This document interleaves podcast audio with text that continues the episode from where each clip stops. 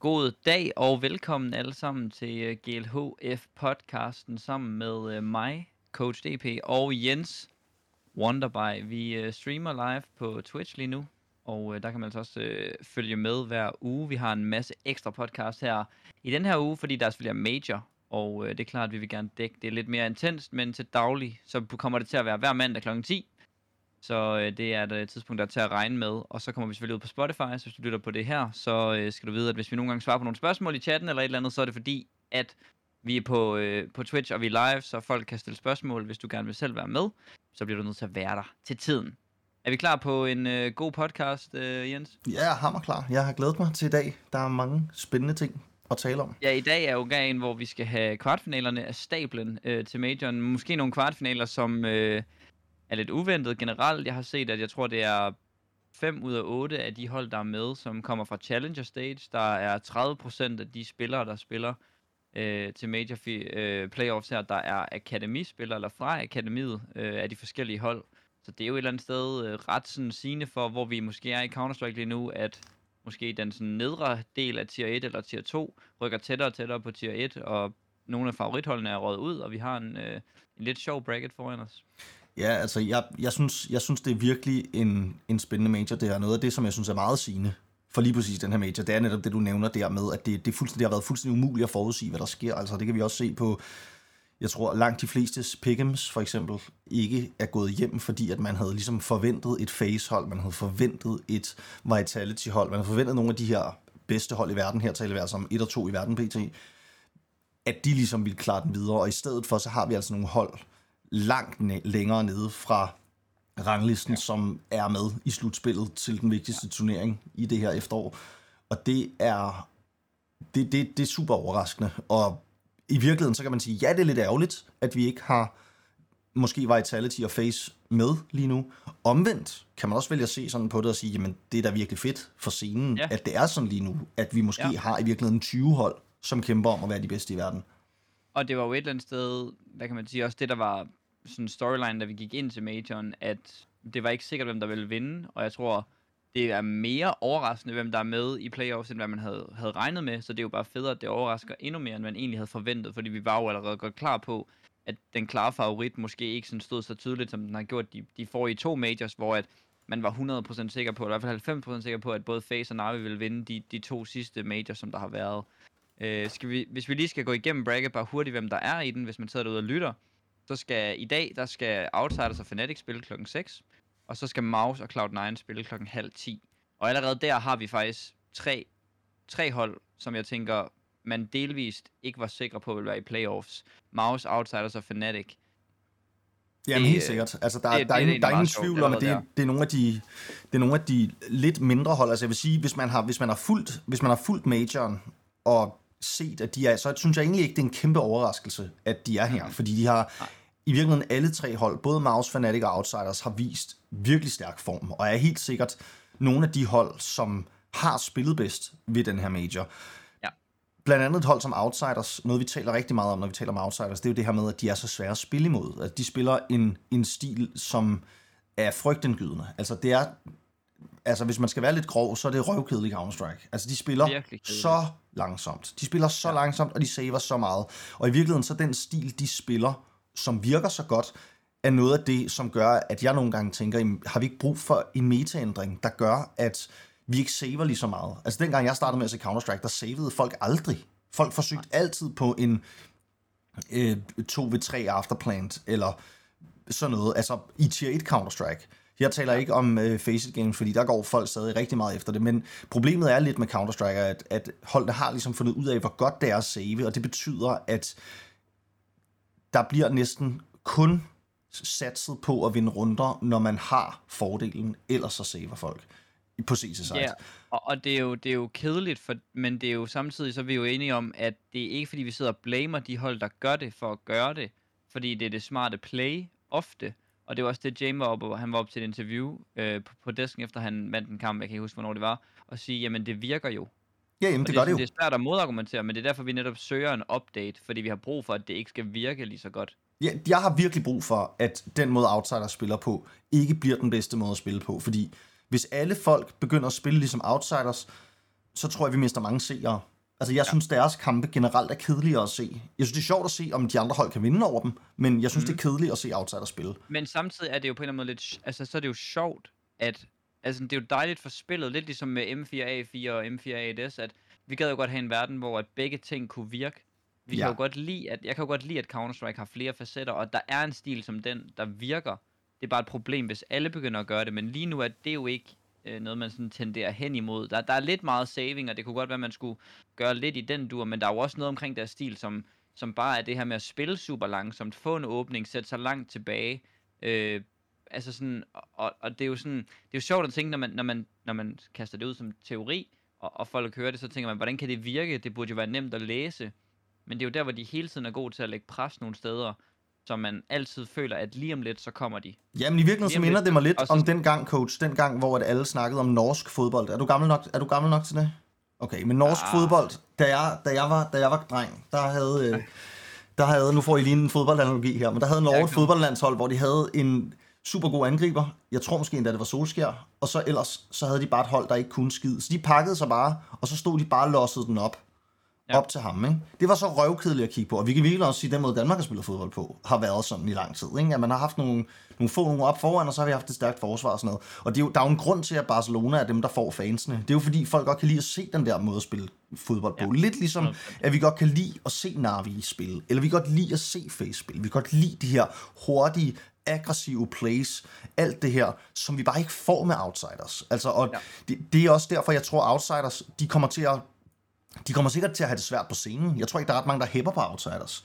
Men jeg, jeg kunne godt tænke mig, at der kom... Og jeg har ikke et bud på, hvad det skal være. Men jeg, jeg synes...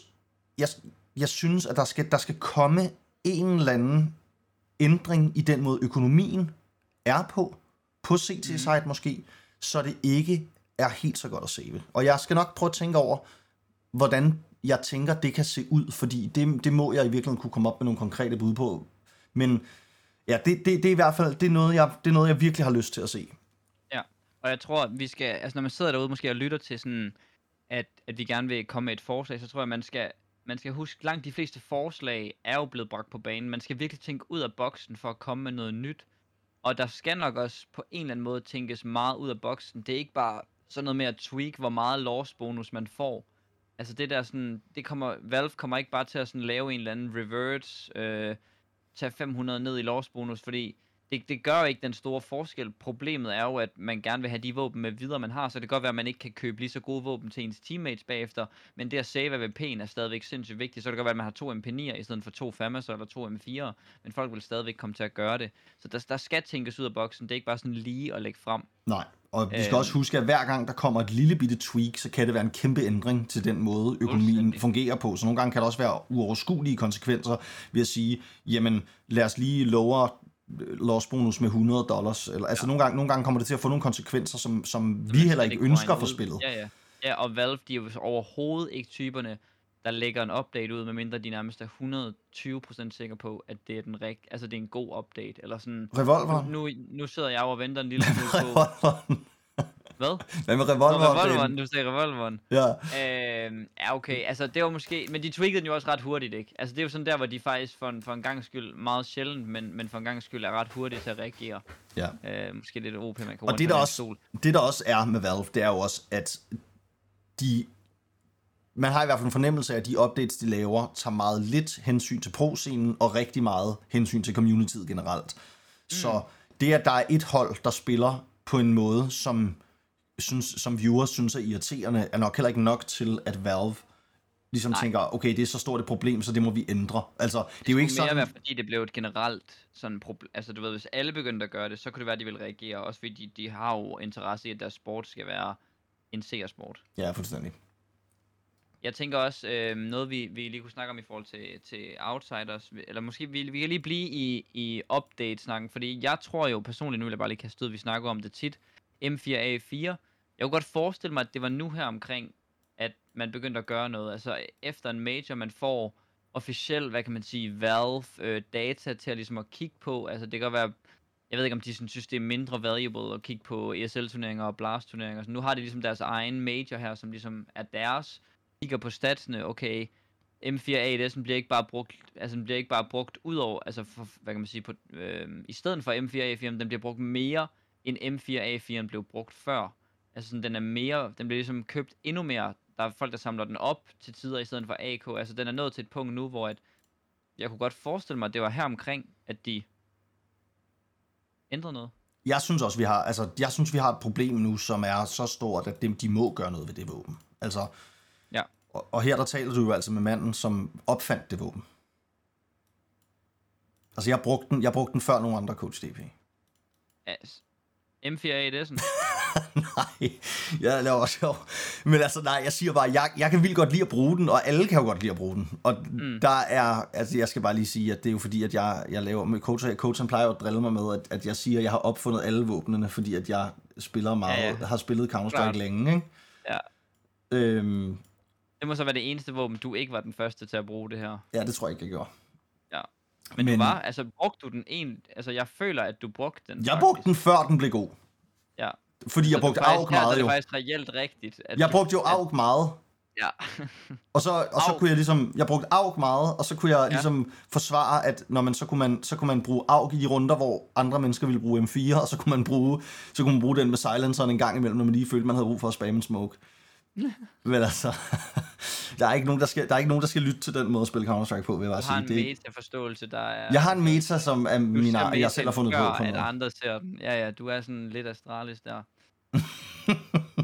Ja, yeah, I don't know. Men, ja. Nå, men i hvert fald, så synes jeg, at Silent, den silenced M4 er et sted nu, hvor vi har brug for en ændring. Og det siger jeg ikke kun, fordi jeg er den, den lykkelige indehaver af en havl. En havl. Men øh, jeg, jeg siger det, fordi at jeg synes også, at det er ærgerligt, at vi har et våben, som er så meget bedre end alle de andre. Og det er mm. helt sikkert det, som har den største indflydelse på, at metaen er så CT-sidet PT, som den er. For den er super CT-sidet, og den er også mere CT-sidet, end den har været i lang tid. Ja. Øhm. Og jeg, jeg må bare sige, logikken for mig er ret simpel. Se, altså, metaen er for CT-sidet. Der er maps, der er sådan decideret, hvis du ikke går to på de maps, så er det en skandale. Så er det ligesom Train, ligesom gamle Nuke. Sådan har jeg det lidt med Overpass PT, nok også med Ancient hvis man skal lave, altså, man behøver ikke engang at tænke på at ændre mapsene, og gøre dem mindre CT-sitet. Man kan bare ændre M4A1'en. Altså sådan, det, det, det er et meget simpelt fix på mange problemer, synes jeg bare. Øh, både i forhold til våbnet og DOP, men også bare i forhold til, hvor, hvor god CT-site er. Fordi den er jo så god, at den går ind og gør CT-site så meget bedre. Og det er jo lidt skræmmende, at et våben kan gøre, at man lige pludselig skal gå to på CT på, på næsten alle maps i poolen, før at man sådan føler, at man har en komfortabel halvleg nummer to. Men altså igen, coach, så tror jeg også bare, vi skal også bare huske det her med, at grunden til, at det ikke bare bliver ændret, er også fordi, at som vi snakkede om lidt før, det der med, når man laver små metaændringer, enten til økonomi eller våben eller den slags, så kan det have ret store konsekvenser for, hvordan spillet bliver spillet.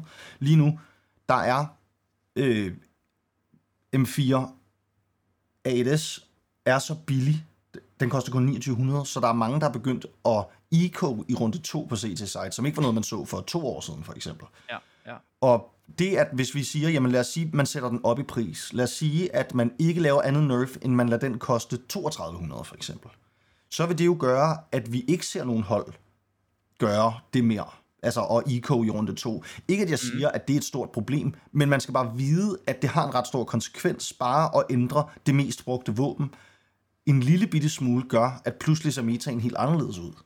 Så ja. det kan pludselig gøre, jamen, at vi kommer tilbage til en øh, situation, hvor at mapsen bliver for T-sidet igen. Og så ja. vil vi sidde her om et halvt år og have den diskussion og sige, jamen nu synes vi, at mapsen er for T-sidet, fordi at M4'eren blev dårlig, eller hvad ved jeg. Ja, og, og det er jo aldrig, fordi maps, altså sådan, mapsene har jo historisk set aldrig rigtig været T-sidet, men det, der har været et problem på et tidspunkt, det var, at det var så utilgiveligt at spille CT at hvis vi gør økonomien endnu sværere for CT'erne ved lige... Altså ved godt, når CT'er får økonomi, ja, så er det umuligt at spille imod dem. Men når de ikke har økonomi, så er det ulideligt at være dem. Og det bliver bare endnu værre af, at det så er dyrere våben, de skal købe, og det kommer til at gøre, at de saver endnu mere. Så der er også nogle ting der, vi skal overveje om. Fuldstændig. Og jeg, jeg føler helt seriøst, hvis man vil fikse spillet, hvis man vil gøre det, hvis man vil gøre det tilbage, eller sådan, øh, altså mit, mit forslag er i hvert fald, at man gør, at M4A1S'en skader det samme i kroppen som M4A4'en, Øhm, og, så, og så føler jeg egentlig ikke, at man burde, at man, der er behov for, at man gør så meget mere end det. Hvis man så gerne vil give den flere kugler, så synes jeg, man skal sætte prisen op. Så hvis de nu kostede det samme, man gav den 25 kugler igen, og så de dræbte begge to på de der, hvad er det, fem kugler i kroppen, som M4A4'en dræber på, så har man den fordel for M4A4'en, at den, er, den har ligesom hurtigere time to kill, hvis man skyder i hovedet. Og hvis man så har M4A1'en, jamen så har man lidt fordel i at spamme smokes, det er lidt længere, eller lettere spray pattern. Øh, eller, ja, så, og så kan godt være, at den skyder langsommere, og time to kill er langsommere end M4A4'en, men lige nu virker det bare til at være for OP, øh, det andet. Og så, så har jeg det egentlig fint med, at M4A4'en vil være meta igen, fordi hvor fedt er det ikke at se et M4A4 highlight spraydown, hvor man kan se skuddene flyve, man kan se, at der faktisk er et spray pattern, der skal holdes ved lige, i stedet for at der bare løber tre mand op midt på Inferno, og så står man bare med M4A1'en. Man flytter bare crosshair fra krop til krop, og så, så bliver de bare smeltet. Ja, jamen jeg, jeg er fuldstændig enig, coach, og jeg, jeg synes, det er, det er en super god pointe. Dog vil jeg sige igen, det her med, jamen, hvis man laver det her nerf, så frygter jeg også, at M4A1S kommer fuldstændig ud igen. Og det, mm. jeg, jeg, jeg synes stadig, det er en bedre situation end den situation, vi er i lige nu, men jeg synes ikke, at det er den ønskværdige situation at være i. Og Nej det er på en måde, så er det jo lidt med så små detaljer her. Det er lidt, man åbner pludselig for Pandoras æske ved bare at nævne en lille bitte detalje, eller et lille bitte buff, eller et lille bitte nerf, fordi det, konsekvenserne er så vidtrækkende, når, når det er så små justeringer, der skal til for at ændre et ja. spil markant. Og det er jo både det fede ved Counter-Strike, og i nogle situationer kan det også nogle gange være lidt det ufede ved Counter-Strike, fordi det, det, ja. det gør bare, at det er rigtig svært at lave de her updates. Og det er også derfor, vi ikke bare ser dem, at Valve ikke bare lige pusher det ud, fordi det er ikke sådan man kan ikke sige noget, som bare er det bedste at gøre. Fordi nej, hvis man kunne nej, det, så var det. det sket. Og jeg tænker også, at vi jo er alle sammen interesserede i at have en balanceret... Altså først er jeg jo interesseret i at have en balanceret CT-meta, hvor den er lidt CT-favored, fordi sådan er spillet, men ikke så meget. Og bagefter det, så synes jeg, det kunne være fedt som bonus, at der var flere våben, der var viable. Men jeg vil hellere have, at der kun er én M4, der er viable, end jeg vil have, at 10-5 halvleg er, er sådan et must på næsten alle maps. Det er sådan, jeg har det i hvert fald. Ja, og Anse spørger, om der virkelig er behov for begge våben, men man kan vælge den ene frem for den anden og komme ud af hovedbilen. Og det er helt klart, det er, det er der en løsning.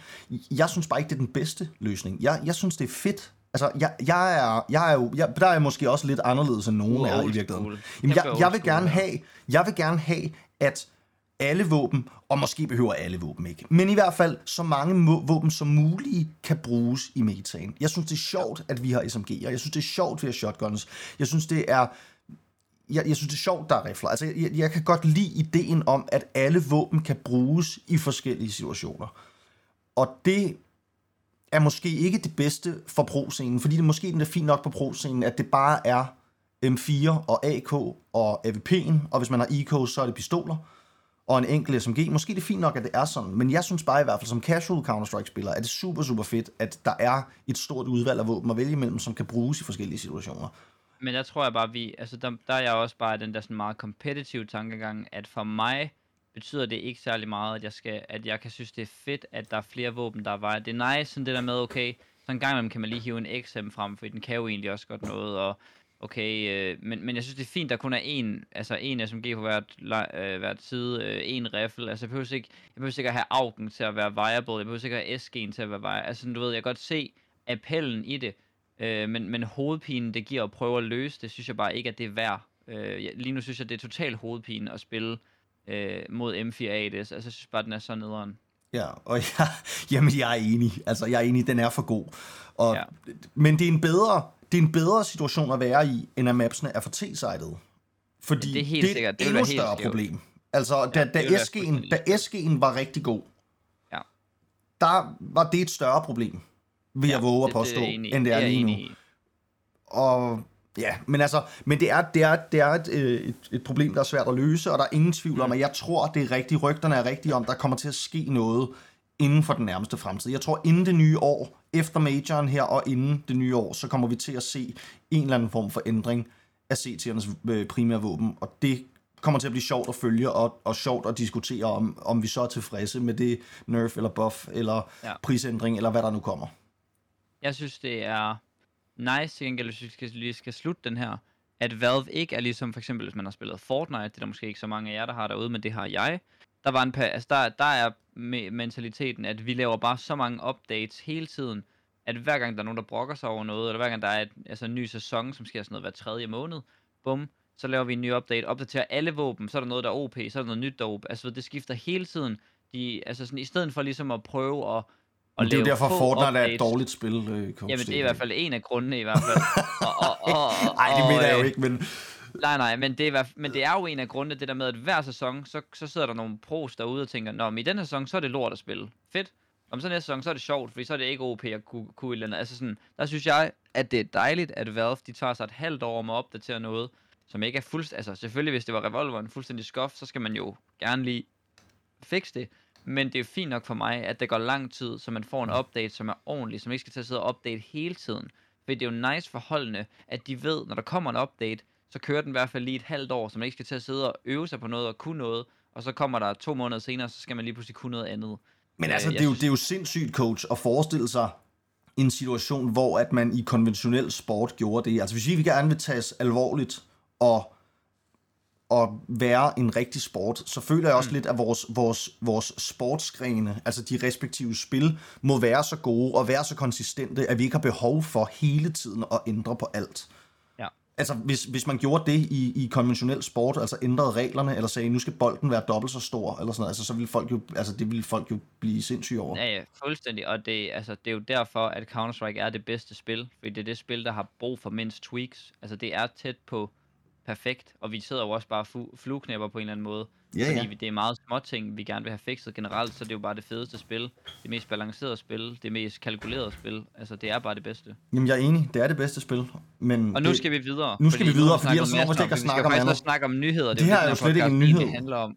Det er jo overhovedet ikke en nyhed. Vi tager lige nogle recent news, hvis man kan sige det. er bare lige for, at vi også lige kommer ud af vores major bubble lidt. Øh, også fordi det er lidt, altså det er jo interessant. Den største nyhed nok er det her med, at Device han ikke skal spille det her, øh, Elise, den her Elise-turnering.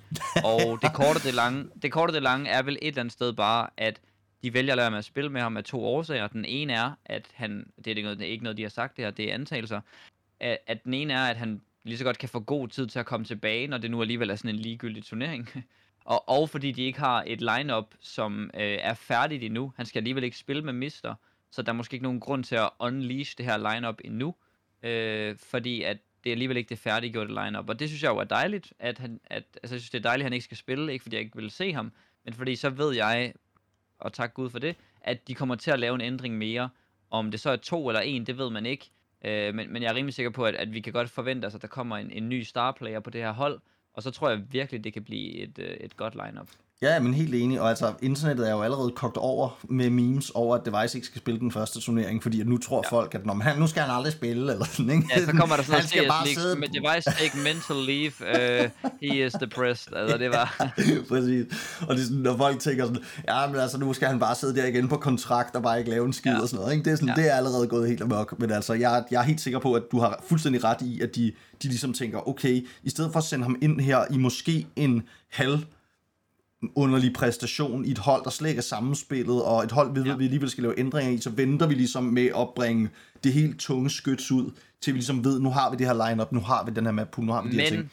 Men det, jeg synes, der er problemet ved det, og, og det, jeg ser som det negative i det, det er, at man kører ham op på en endnu højere pedestal, af ikke bare at ligesom lade ham være ligesom de andre. Altså man kører ham ligesom op til, at okay, vi bruger længere tid på at unleash the beast. Og ja, ja hvis det er Vi laver nogle flere beast, dumme røde videoer, det, hvor han sidder foran en computer ja, ja. og ser ripped ud. Så er det freaking fedt, hvis at, at det bare går helt amok. Uh, Men hvis ja. det ikke går helt amok, ja. så er det jo så er det bare noget rigtig lort. Så skulle man bare sende ham afsted med det samme, så han kunne komme i gang med at få rusten af og få spillet nogle officials. For nu kommer man jo ikke til at røre en official nærmest i hele 2022, ikke? Og så er der lige pludselig lang tid. Men altså, coach, kan man ikke sige, at man har nærmest uanset hvad man gør, malet sig lidt op i det hjørne, som er, at hvis Device ikke er god, når han kommer tilbage, så er man, man fucked. Færdig. Altså, ja, og det er uanset, hvor meget man sætter ham op på en pedestal. Fordi ja. han er så høj men, på en pedestal. Det, og det, det talte vi faktisk med... om i en af de tidligere podcasts. Jeg tror, det var måske ja. faktisk vores allerførste, som ligger på Spotify, hvis man vil høre den. Der talte vi netop om det her med, jamen er forventningerne til Device for høje? Fordi det frygter jeg lidt. Og jeg ved godt, der sidder mange derude, som siger, at han er lige så god som Simple as IO og sådan noget. Men jeg, jeg frygter, at han kommer tilbage, og måske bare er i top 10-20 i verden. Og hvis han er ja. det, så er han jo ikke god nok. Nej. Så skuffer og det, han og jo, det, og det er et problem, ja, ikke? Så, så skuffer han både for os fans, men han skuffer også i forhold til Astralis målsætning om at være verdens nummer et. Ja. Øh, og og det, det, det, hvad kan man sige, jeg, jeg nævnte det også i vores første podcast, der, som du hen, refererer til, at uanset om device, som vi godt kan fortælle os selv nu, jeg kan fortælle alle jer, og I kan fortælle hinanden, og vi kan alle sammen så fortælle det, device kommer ikke til at bare hoppe ind og være top 3 spiller i verden og måske top 5 eller et eller andet. Han kommer måske til at være top 20, hvis vi er, hvis vi er lidt heldige. Så kommer han til at være top 20 med det samme, og så kan han måske arbejde sig ind i en højere placering og, og være den her X-faktor stjernespiller igen. Men vi kommer til at være skuffet, selvom vi godt ved, at det ikke kommer til at ske. Og det er lidt det, der sådan er problemet. Øhm, hvis vi så, nu, nu vil jeg så sige, at vi har en kontekst for det her hold, som vi ikke havde fra før. Før var konteksten for holdet og metaen, det havde handlet om holdspil. Det handlede ikke om at have folk på top, top 5, top 10. Det havde vi mange spillere, der var Dupree og Magisk, og, og egentlig også Super Glaive havde, havde deres perioder. Jeg tror faktisk ikke Glaive havde, men Syp havde øh, øh, perioder også inden for top, top 20. Det er nice. Øhm, dengang var det noget andet, vi havde, end vi har nu. Altså nu har vi jo faktisk potentielt to spillere inden for top 10. Altså Blame F han vil ikke overraske mig, hvis han kunne, han kunne snuppe en top 10 placering, både i år, men også generelt, og at han er en top 10 spiller i verden. Og har man lige pludselig to, så er det måske ikke nødvendigt, at man har top 2 og top 3, så er det måske fint at have top 5 og 6, og så sådan potentielt stadigvæk kunne være et af verdens bedste hold. Ja, jamen altså, jeg, jeg, er meget, jeg er meget enig i dine betragtninger der, coach, og jeg synes, at det, jamen det, er bare, det, det bliver super spændende at følge, og se ligesom, no. hvad, hvad det kommer til at betyde for Astralis. Forhåbentlig kommer det til at betyde, at de kommer til at, at kunne nogle at kunne, kunne kæmpe med i verdenstoppen igen. Ja. Omvendt så frygter jeg lidt, at det gør det måske ikke. Jamen, jeg, jeg forstår godt, hvad du mener, og jeg er nok til dels enig. Øhm, Udover det, så har øh, Voxic ben, bænket sig selv. Det tænker jeg ikke, vi skal snakke sådan forfærdeligt længe om, men øh, Voxic spillede for det her Eternal Firehold, og kom jo fra Maus og var lidt toxic, og så hørte man, at han var lidt toxic, og så kom han ind på det her øh, tyrkiske lineup, det skulle fungere, og det skulle være det nye, og det blev det ikke helt. De havde nogle gode runs, og jeg synes egentlig, det, det, det lignede noget, der godt kunne blive til noget. Ja, men de har jo sejlet. Godt, altså, at være, ja, det har de sejlet de er gode nu, til at aime, men... Ja, men havde deres gode perioder, men har skiftet rigtig meget ud. Der har været noget slinger i valsen øh, generelt, så det giver mening, at han gerne vil videre til noget andet. Han er egentlig okay, ret dygtig. Øh, Santaris bliver på holdet set ud til indtil nu, og det er måske sådan et hul i hovedet. Altså han har brug for, at der er en bedre orber øh, bedre spillere omkring ham, hvis han nogensinde gerne vil mere med sit Counter-Strike. Øh, og det er så spørgsmålet om, han egentlig bare synes, det er komfortabelt at, at være sammen med... Og jeg ved heller ikke, om, om Voxic i virkeligheden nogensinde bliver det igen, som vi forventede, Nej. at han var ved at blive. Altså, jeg, det, jeg, tror ikke, jeg tror ikke, han kommer tilbage til det. Altså, jeg tror, at Voxic, han kommer til at... Hvis man skal være lidt, lidt, lidt, lidt hård, så tror jeg måske bare, han kommer til at sådan lige så stille bare finde sin plads i tier 2, og så er det det. Ja, det tror jeg, du har ret i. Øhm, skal vi... Nu har jeg jo... Jeg har jo vi skal snakke om major nu, coach. Vi skal snakke om lineups, ja. vi skal snakke, eller om, om matchups, vi skal snakke om... Vi skal helt sikkert snakke lidt om forventninger til det her sidste stadie, nemlig hvem vinder den her major. Det, det, det synes jeg, de ting synes jeg, vi skal snakke om nu. Og man kan sige, i og med, at det er den her situation, som vi talte om i starten af podcasten med, at der er nogle af de mindre hold, der har overrasket nogle af de større hold. Det betyder, at vi i PT ikke har verdens øh, første og anden seedede øh, Face og øh, Vitality. Så betyder det jo også, at vi lige nu har måske det nemmeste stage indtil videre at forudsige, fordi at vi har nogle helt klare favoritter her. Mm. Og det har vi ikke haft på samme måde i de forrige stages. Hvad tænker du om Ja, det, det, det? Synes jeg er en fin, det synes jeg er en fin pointe. Altså, øh, at... Jamen, og det der, det der ligesom ødelægger, hvad kan man sige, eller det der skulle være modargumentet til, at det er klare favoritter, det er jo, at indtil nu har de klare favoritter ikke vundet. Så sådan, er der seriøst, er der overhovedet ikke noget, der hedder klare favoritter i det her? Fordi, ja, jeg synes, det er nemt at lave pick'ems til den her, hvis man bare går efter favoritterne, og man vil kunne føle sig rimelig komfortabel. Men man sidder bare med fornemmelsen af, der er simpelthen no way, at alle fire favoritter bare lukker den i de her kvartfinaler. Der må være et eller to opsæts. Jeg kunne sagtens se Spirit slå Heroic. Jeg kunne egentlig også godt se en verden, hvor Fury vinder over Navi. Øh, Outsiders og Fnatic, også sådan en 60-40 for mig. Mouse Cloud9 er måske den, jeg er mindst, mindst i tvivl om. Men alligevel, altså selvom Cloud9 virker sådan unbeatable, så har Mouse jo også bare været fuldstændig vanvittig. Så kan det godt være, at de ikke har mødt hold af den kaliber sådan helt endnu, og, og er blevet testet på den, på den højeste sådan scene der, men, men altså, det er bare ikke så nemt, synes jeg. Nej, men, men nu taler vi altså om to af de bedste spillere ved hele eventet, Shiro og Exile. Ja. Jeg tror... Ja. Og, og Cloud9 er altså også et af de her hold, som er rigtig svære at spille imod. Og som måske ikke heller er en fanfavorit, fordi man måske kan argumentere for, at de også spiller lidt kedelig Counter-Strike. Man, man kan sige, de har, de har lige det krydderi, som er Shiro, vil jeg sige, som gør, at det kan være ret spektakulært at se Cloud9-kampe, fordi han bare er så vild. Altså, han er så vild. Han, han, han, han laver virkelig plays. Han er virkelig en over, der laver plays, og han, men, men, men de, er ikke, de har ikke en spillestil, som sådan er en, en spillestil, man elsker at kigge på, vil jeg sige. De spiller også langsomt. De kan også godt lide at spille. De har meget strategiske maps, hvor at, jamen, der er hold som Fnatic og Mouse og ja, Navi, Furia, måske lidt mere sådan publikumsfavoritter. Og det ja, helt tror jeg heller ikke er noget, vi helt skal undervurdere i den her arena, hvor de nu skal spille. Altså en arena med... Ja, hvor mange er det, der sidder? Men den er dobbelt størrelse. Tror, den, jeg, ved, de har jeg spillet, ved ikke, hvor mange der sidder faktisk. Jeg tror, de er 18.000 eller sådan noget. Okay.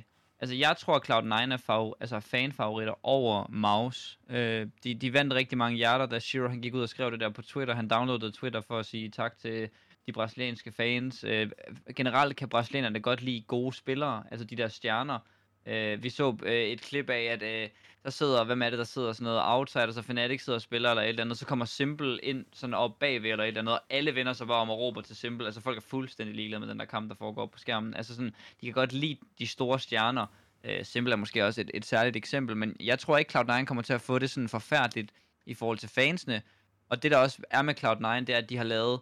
Det, det der er Cloud9's svaghed, det er deres T-side. Altså den har været meget sådan uopfindsom, men hver eneste gang, de har haft brug for det, så har de lavet de her 11-4 comebacks på CT, fordi der virker de bare til at være sådan det bedste hold i verden -agtigt. Men altså en kamp, som jeg jo nok tænker, vi kommer til at se i semifinalen, som jeg slet ikke kan overskue, det er Outsiders mod Cloud9. Ja, det bliver nok den kedeligste Det bliver redselsfuldt at kigge på. Ja.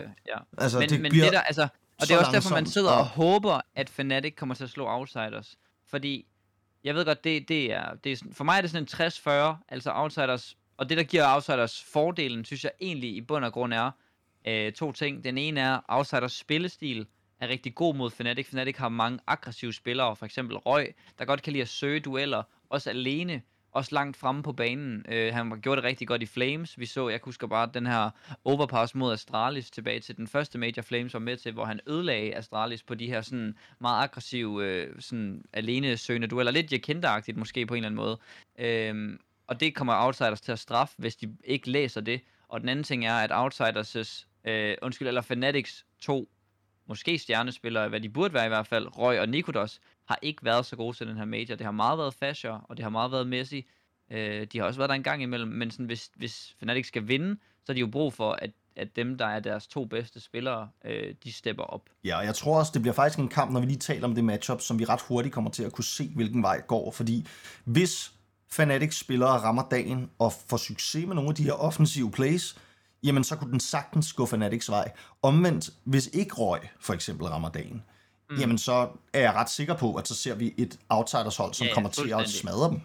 Ja, ja, det, det, jeg tror, det er, altså det, det er på en eller anden måde et meget nice, hvis man, hvis man sidder derude nogle gange og føler, at det kan være lidt svært at være sådan en, der predikter kampe og sådan noget, så sidder vi jo også nu, og vi gør også nogle tanker, men, men det er meget sjovt det der med, at der er jo nogle gange nogle kampe, hvor man bare ved, ud fra spillestil, ud fra spillere, jamen hvis ikke ham her er til stede, hvis ikke han lykkes med det, som er sådan ret basalt for gameplanen, så får de det svært. Og det er jo også derfor, altså Outsiders har en meget, meget readable gameplan, og det samme har Fnatic jo på en eller anden måde, men, men det er jo ikke fordi, man bare kan sige, når Outsiders spiller langt tilbage, så vi lister bare frem, og så kaster vi alle vores hjul. Altså sådan fungerer det jo ikke. Øh, men, men ja, jeg tror, det vil være et ret stort tell, om Røg han går 0-8 eller 11-4 ja. i, i første map. Omvendt, så et matchup, hvis vi lige skal gå videre til det næste matchup. Nu har vi snakket lidt om Mouse og Cloud9 og Outsiders mm. og Fnatic. Spirit og Heroic. Altså Spirit, synes jeg jo, er et friskt hold at kigge på. Altså jeg kan godt lide ja. den måde, de spiller på. De spiller sådan lidt mm. old school. Altså det er som om, de har ikke helt adapteret den der meta med, at man skal spille langt tilbage, og man skal spille lidt ligesom Outsiders. Altså de, de er også et hold med folk, der laver plays. Så jeg synes, de er, de er et sjovt krydderi på den ja. her, øh, i det her slutspil og et hold, som jeg umiddelbart vurderer, at Heroic burde have krammet på. Også fordi Heroic er et super struktureret hold også, ikke? Øhm... Heroic er bare et super godt hold. Altså sådan, Heroic er jo et undervurderet hold af den grund, at de vinder ikke en skid, fordi de altid taber de vigtige kampe, men de er jo altid bedst lige indtil de taber. Ja, ja, men de er gode. De er rigtig ja. gode. Til gengæld så havde de det altså svært mod Cloud9. Mm. Og det er et svært hold at spille mod. Ja. Så folk, der sidder derude i chatten, kan jeg se og sige, at Heroic går hele vejen. Der vil sige, det er altså det er, det er en stor mundfuld. Jeg tror, Heroic skal håbe virkelig, virkelig meget på, at Furia vinder den første kamp. Fordi jeg tror, ja. jeg tror på trods af, at Navi måske godt kan få det svært med Furia, så tror jeg, at Heroic ville smadre Furia. Altså det, det, ja. det, det er et matchup, hvor jeg klart vil favor Heroic. Og indtil nu har crowded ikke rigtig gjort nogen forskel. Ja. Altså det, det vi også nødt, vi har vi snakket om det hele vejen, og vi sad alle sammen med vores Imperial og Zero Zero Nation 3-0 picks og tænkte, hm, hm, hm, jeg har læst det. Altså Crowded har ikke gjort nogen forskel indtil nu. Navi er et markant bedre hold end Furia. Og det eneste, der skulle gøre, at vi sidder derude og håber eller tror, at det kan lykkes, det skulle jo være, hvis der var en eller anden super stor bias crowd, der sådan skulle løfte øh, Furia til et niveau, man ikke havde set før. Øhm, og det, det tror jeg ikke kommer til at ske, også fordi crowded kan godt lide Simple. Crowded kan godt lide Navi. Navi er en fanfavorit verden over. Så sådan det der med at forvente, at, at det skulle gå den, altså skulle være en eller anden, det selvfølgelig er det en Furia crowd, det er klart. Men indtil nu skal vi bare nødt til at tage vores erfaringer og, og sige, jamen crowded har ikke gjort nogen forskel. Der er ikke nogen hold, der har vundet kamp, de ikke skal vinde, på grund af at crowded har været dem i ryggen. Nej, og det er altså på trods af, at vi har et, øh, et Furia-mandskab, som har så meget opbakning. Jeg så lige det der korte, lille øh, segment, de havde lavet ESL, hvor der går en interview rundt og spørger, hvem der er verdens bedste spiller, og det er bare sådan 9 ud af 10 af de der brasilianske fans siger bare, Caserato, Caserato. Ja, ja.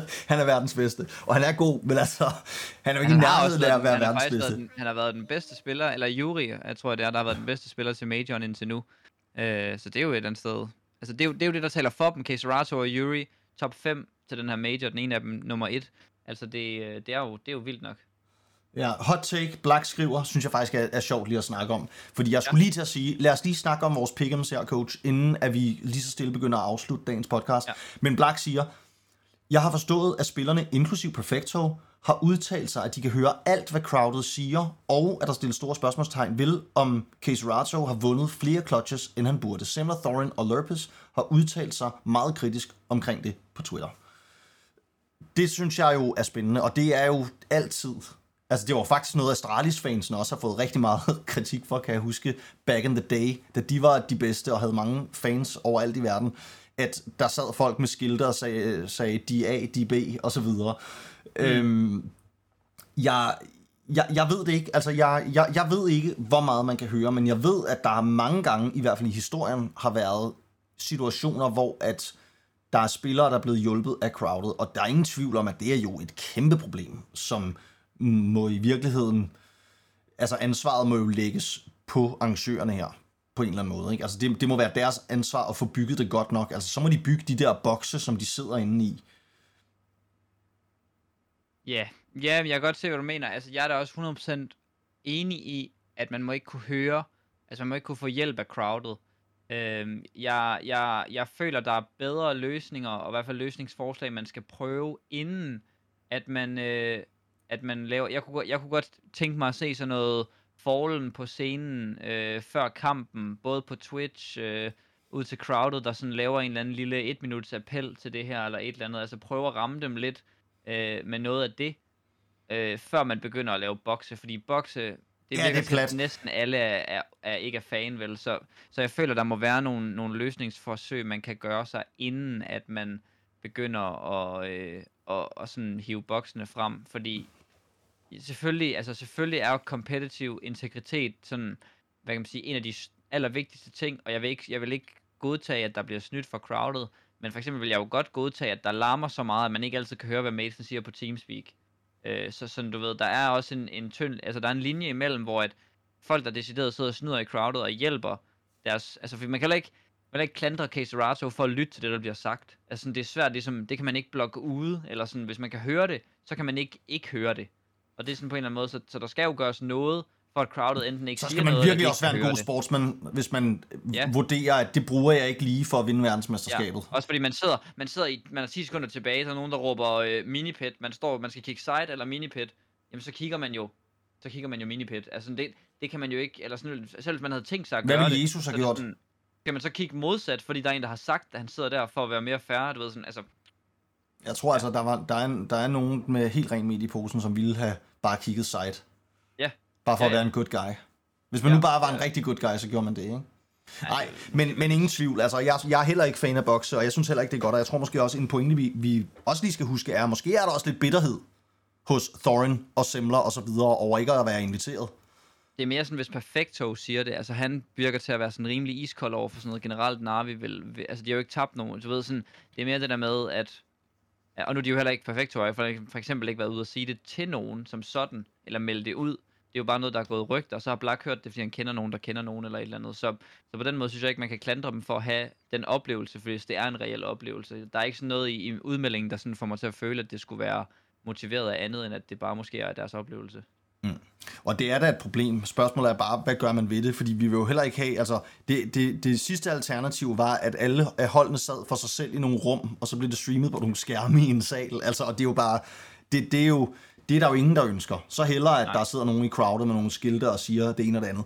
Coach, jeg synes, vi lige så stille her skal til at, at runde af, inden at det her det bliver et øh, over en times foretagende igen, fordi det ja. røg vi jo lidt ud i sidst, fordi vi havde så fed en mm. podcast med Refresh. Refresh. Refresh. Pickums, eller hvad er det, det Jeg synes lige, vi skal snakke lidt om Pickums. Og jeg, ja. altså, jeg kan jeg jo godt hurtigt... noget, by the way, ja. i stedet for at du går ind i, hvis du nu synes, det er fedt, det ved jeg ikke, om du synes, men man kan jo lave pick'ems ind på HLTV, hvis jeg, du synes, jeg laver dem bare her. Øhm, ja. Og, og jeg, jeg, jeg tror i virkeligheden bare, jeg taler jer igennem dem. Ja. Og jeg, altså, jeg, jeg er nok lidt, jeg tager nok lidt den kedelige vej, hvor jeg bare ligesom ser de her matchups, og så kigger jeg på, hvem, hvem, hvem tror jeg mest på i det her specifikke matchup. Så på den måde kan man lave, skulle man lige lave en, øh, en 30 sekunder, hvem er favoritterne, så lave den helt kedelige, og så kunne man bagefter lige lave den, hvad tror jeg måske reelt, der kommer til at ske?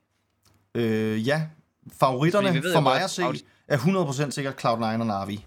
Ja. Og det er Jamen, også altså, de to... Hvis, hvis du kører hele vejen igennem Outsiders, Cloud9, Heroic Navi... Ja, nu fortæller jeg dig, hvad jeg har, og så kan du få lov til at komme med dit bud på, hvem der er favoritter. Men ja. jeg tager Cloud9 over Mouse. Det gør jeg, fordi at jeg, ja, Mouse har været stærke. Jeg tror, Mouse får for stor en opgave mod et mandskab som Cloud9, som spiller så sikkert og så til tider røvkedeligt, som de gør. Mm. Jeg, jeg tror virkelig på Cloud9. Jeg har undervurderet Cloud9 i alle stages indtil nu. Efter jeg så dem til første stage, hvor jeg virkelig troede, de var gode, så stank de. Så tænkte jeg, okay, de, de, de kommer ikke til at kunne skid. Dem, dem, dem, har jeg, dem har jeg virkelig store forventninger til, og jeg overvejer faktisk også at sætte dem til at gå hele vejen.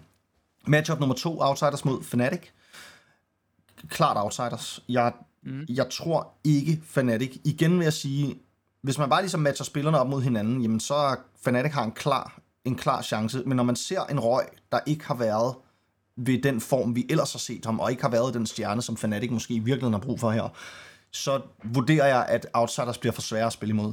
Og jeg tror, outsiders går videre. Det betyder så, så får vi den frygtelige øh, scenarie, som jeg tidligere sad og sagde om, at jeg virkelig ikke ønskede mig, men at outsiders skal møde Cloud9 en kamp, som jeg ikke ønsker, min værste fjende skal se, fordi det bliver kedeligt. Jamen, det er rigtigt. Så har vi kampene i morgen, Spirit mod Heroic og Fury mod Navi. Der tager jeg igen de to favoritter. Jeg tror, Heroic kommer til at vinde over Spirit. De har det stærkeste hold. Og så tror jeg på Navi. Jeg, jeg tror virkelig på Navi. Jeg tror ikke på Fury, og dem har jeg også undervurderet hele vejen. Men jeg tror ikke på Fury. Så, så er vi ved semifinalerne. Det betyder så, at det er Cloud9 mod Outsiders. Så er det Heroic mod Navi hvis jeg får ret. Der tror jeg, Cloud9 vinder igen. Og så tror jeg, at Navi vinder over Heroic. Det har de historisk set gjort i de store, vigtige kampe. Det kan godt være, Heroic kan vinde, og set med dine danskerbriller på, så kan det også godt være, at det var det, man skulle sige. Men det tror jeg ikke. Så jeg tror simpelthen, vi får Cloud9 mod Navi i finalen. De to stærkeste hold i den her turnering, synes jeg, indtil videre. Og den er så svær, synes jeg til gengæld favoritrollen vil nok gå til Navi, men der overvejer jeg faktisk lidt at bare tage min Cloud9-hype og sige, jamen de vinder den her major. Mm. Jeg synes, det er øh, gode pick'ems. Jeg vil også sige, det er, udover måske finalen, er det nok, er det jo bare at vælge favoritterne. Og det er jo ikke for at klandre dig for noget, men det giver jo også god mening. Jeg kunne godt være tilbøjelig til at have den helt samme som dig, bortset fra at have Fnatic til at vinde både over Outsiders over Cloud9, og så tabe til finalen, eller i finalen til Navi.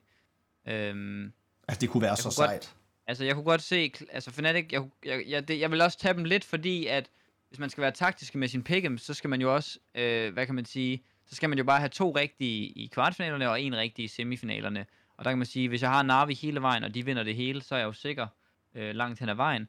Og jeg tror, Fnatic godt kan vinde over både Outsiders og Cloud9. Jeg tror, Outsiders-kampen bliver sværere for dem end Cloud9. De har jo faktisk slået Cloud9 tidligere. Nej, det har de ikke. De har været tæt 16-14 eller sådan noget med Cloud9 tidligere i turneringen. Øhm, Røg, Nikodos, de, jeg føler, de er kæmpe lane gamer. De har ikke noget pres på sig. De er totalt underdogs. Øhm, og som Black skriver i chatten, jeg tror, der må sidde nogle hold i den her top 8 og tænke, det her, det er freaking vores chance for at vinde en major, eller for at komme virkelig langt. Den misser vi simpelthen ikke. Nu tager vi os lige freaking sammen. Skyder vi lige 5.000 på DM natten over, og øh, har den sygeste anti-strat, og så lader vi lige være med at lave sådan nogle dumme fejl. Så spiller vi lige ordentligt, og så vinder vi lige over Outsiders eller Cloud9, fordi det der er med Outsiders, det er, at jeg føler, at de har et loft. Altså det der også gør, at de altid er sådan et top 8 hold. De er jo et evigt top 8 hold, ligesom Furia. De har et loft, fordi deres spillestil har et loft. Og det tror jeg, de rammer omkring top 8. Måske kan de godt vinde over Fnatic, så kommer de ikke længere. Men de er ved at, være at nå det der, de ligesom rammer. Det er det samme med Furia. Deres spillestil har et loft. Finder de møder gode nok hold, eller kommer til vigtige nok kampe, så kan den ikke bæres længere, fordi den har ikke nok variation. Den har ikke det der ekstra gear. Og det føler jeg både Fnatic, Navi, Cloud9 og Heroic har. Øhm, og det er også derfor, jeg, jeg tror måske, det bliver de fire, der skal spille kvartfinaler. Og så har jeg bare sådan en idé om, at Fnatic godt kunne hive en kanin op af hatten og slå Cloud9. Cloud9 er ikke et, de er ikke et online-hold overhovedet, men det er stadigvæk ikke meget, de har siddet på den her aller, aller største scene. Og hvis de er kæmpe favoritter mod et hold som Fnatic, så tror jeg godt, presset kunne ramme dem. Ja, og så det... Navi til at vinde det hele. Det tror jeg også godt, de kunne. Og den, og den historie kunne man i virkeligheden også godt sige om Heroic. Altså Heroic kunne også godt, ja. de, de må også sidde med tanken om lige nu, det her, det er vores major. Det er det. Det er også der vinder den her major. Og, og det, det er den, jeg tror, det er den chance, det her Heroic lineup får for at vinde en major. 110 procent enig. Og, og det er nu. Altså, så hvis man skal vinde en kamp over Navi, så er det altså den kamp i morgen, når man lige forhåbentlig har vundet over Spirit. Men problemet er bare... Nej, i morgen, at, øh, det er så lørdag. Ja, selvfølgelig. Ja, problemet for mig i det er, at... Og jeg ved godt, man skal ikke tage meget ud fra et interview, men Blade var ude at sige, ordret, we can easily win this event. Altså sådan, han, han virker bare for selvsikker til at sådan, jeg bliver nødt til at vælge Navi. Altså, jeg ville simpelthen føle, det var, det var dumt ikke at gøre det. Altså, de virker bare, de er bare så syge. Altså sådan perfekto, ikke? jeg tror, det var det ikke over, der foregås. Altså sådan, selv han carrier ikke, altså sådan, alle på det hold på nær som der er young, kan have sådan en performance, og det er bare, det er bare så klamt. Jeg synes, Heroic er et virkelig godt hold, men de bliver bare ved med at tabe til Navi. Jeg føler også, at jeg vil ikke være ked af at tabe min pick, hvis Heroic går hele vejen og vinder. For det er deres major at vinde, og det kunne være sindssygt at få en dansk major vinder igen. Men uha, de skal altså forbi deres kryptonit, og det er svært ved at tro. Det mindre Fury knuser min første kamp. Ja, og det vil være en gave. Altså, det vil være en gave for Heroic. Sker, Heroic. Så vinder Heroic hele vejen. Majoren, altså, så er det virkelig skidt. Ja.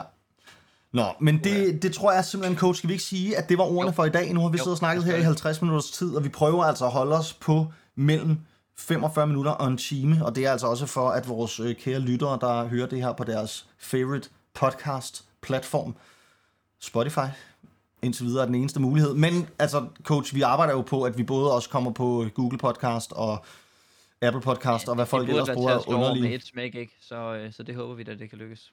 Så, men jeg vil bare sige tak, fordi at vi, jeg fik lov til at være med i dag, Coach DP. Ja, tak fordi at du gad at være med til øh, min podcast. Det tror jeg bare var ordene. Tak for i dag, venner. tak for i dag.